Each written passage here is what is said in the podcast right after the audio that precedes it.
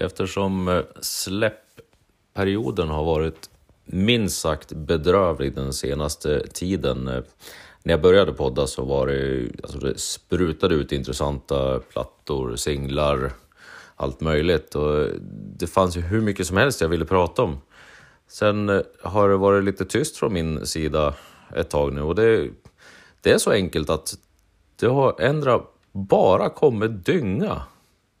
Eller ointressanta grejer i mitt, eh, mitt tycke. Och det kan jag väl i och för sig ha åsikter om också. Och jag har, visst har jag hittat en del jag har hittat en del grejer ändå som jag, tänker, som jag, som jag ska återkomma till, men eh, det, jag känner att jag, jag behöver förkovra mig lite mer. Det är eh, lite genrer som jag kanske inte har varit så himla inne på Eh, senaste tiden. Det, det kom en del intressant metal och jag har duktigt metal-trött. Jag tycker det är bara samma jävla tugg och samma tråkiga riff där det är mest bara produktionen som skiljer. Och, men eh, ja, jag tar ett steg tillbaka där och konstaterar att det har kommit en del intressant och sen har jag fastnat för en del, ehm, ja, som eh, sån här eh, lustig musik som eh, brukar kunna eh, puttas in i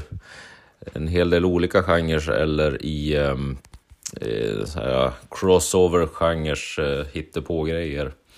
Eh, jag tänker på Motionless in White, eh, Ice Nine Kills, eh, om, det är något, om det säger någonting. Om det inte gör det så eh, jag kommer att dyka ner lite grann i, i det och eh, kanske, kanske kan jag hjälpa dig att hitta någonting intressant där. Det,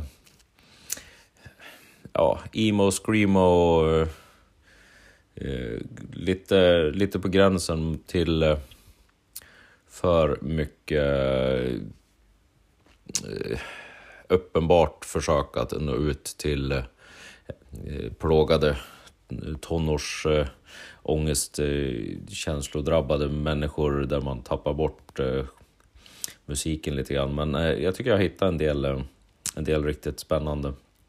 Och sen tänkte jag, Atreyu var ju ett av banden som, som var tidig i delar av det där också och det är ju ett band som, som jag ser på reaktionerna nu när de har bytt, de har gjort lite omkast där med eh, ny sångare och trummisen som sjöng och spelade trummor har eh, övergått till att bara sjunga nu också.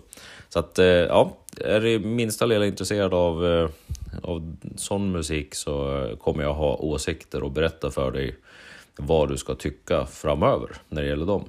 Men jag återkommer till det. Det jag skulle prata om nu, som jag hade hoppats på att formulera en ordentlig åsikt om, det är ju Smashing Pumpkins nya platta. Eh, det är... Eh, ja, jag har avhandlat eh, singel-EP-släpp tidigare från den här. Plattan heter, heter ju Syr. Och lite syr blir allt när jag lyssnar på den också. För att växlar mellan att tycka att det här är helt fantastiskt bra och vad fan är det jag lyssnar på?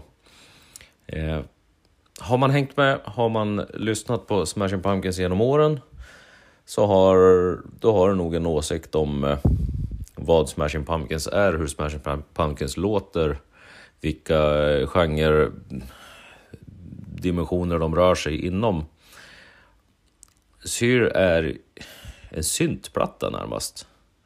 Och eh, med det dragningar åt bombastisk 80-tals eh, romantisk syntpop. Eh, och det känns inte nyskapande och det känns inte retro på något coolt sätt. Men det, det finns en hel del bra låtar. Och det jag har landat i är att det är en jättetrevlig en timme och 12 minuter lång uppvisning av hur Billy Corgan låter när Billy Corgan sjunger som bäst. Eh, och den här plattan kan jag tycka hade landat bättre ur den aspekten som en, eh, något av hans eh, soloprojekt, sidoprojekt. Men alltså inte, utan den här sorteras in i Smashing Pumpkins-katalogen och bör väl för all framtid stå kanske strax bredvid de gamla eh, Smashing Pumpkins-plattorna som låter som Smashing Pumpkins. Och det är inte dåligt, men jag kan inte. Jag kan inte komma fram till riktigt hur bra det är. I mitt tycke så, eh, så dog Smashing Pumpkins efter Machina-plattan eh, år 2000. Sen har det finns höjdpunkter på Oceania från 2012 när de gjorde, kom tillbaka och det finns eh, bin be, beige, beige, beige, färgen, ni vet, att vara beige. Eh, från 2014, det är en fantastisk låt som hade kunnat tagit plats på vilken eh, vilken Smashing Pumpkins-platta som helst och Anti-Hero är också en riktig höjdare. Så att eh, det finns, det finns bra, det finns höjdpunkter, absolut. Och eh, Shining Oh So Bright-plattan från 2018 har väl också några, några eh, platser som är trevliga att krypa in på. Men för mig så eh, riktiga Smashing Pumpkins på ett sätt, det, tog, det satte punkt år 2000. Med lite, ja vad ska man säga, parenteser kan man väl säga. Men eh, Monuments to Elegy från eh, 2014 är väl det bästa Smashing Pumpkins-plattan efter det då, men Syr... Ja, jag vill jätte, skulle vara jätteintressant att höra vad andra Smashing Pumpkins-fans tycker. Det jag avskydde Billy Corgans sångröst eh, en gång i tiden. Eh, 95-96, där när Melancholy Infinite Sadness pumpades på tv-apparaten på gymnasiets uppehållsrum så tyckte jag den var en otroligt störig sångröst. Eh, eh, gick ju inte alls igenom tv-högtalarna särskilt bra. Men någonstans där när Adore kom tre år senare började jag få upp lite nya ögon för bandet och eh, förstod storheten och har ju definitivt tagit till mig Melancholy så här i efterhand. Eh, jag önskar såklart att jag hade köpt eh, LP-skivan på den tiden för den, eh, den tickar ju iväg någonstans runt 5000 spänn om man ska köpa den idag och det är ju lite högre än vad jag känner att jag är beredd att lägga på den. Så, men ja, gillar man Billy Corgans sångröst då är Syr väl värd att kolla upp öppningsspåret. The Color of Love sätter sig till slut. Det gjorde det inte direkt för mig, men den, eh, den, den sitter jättebra när jag slår på plattan nu och eh,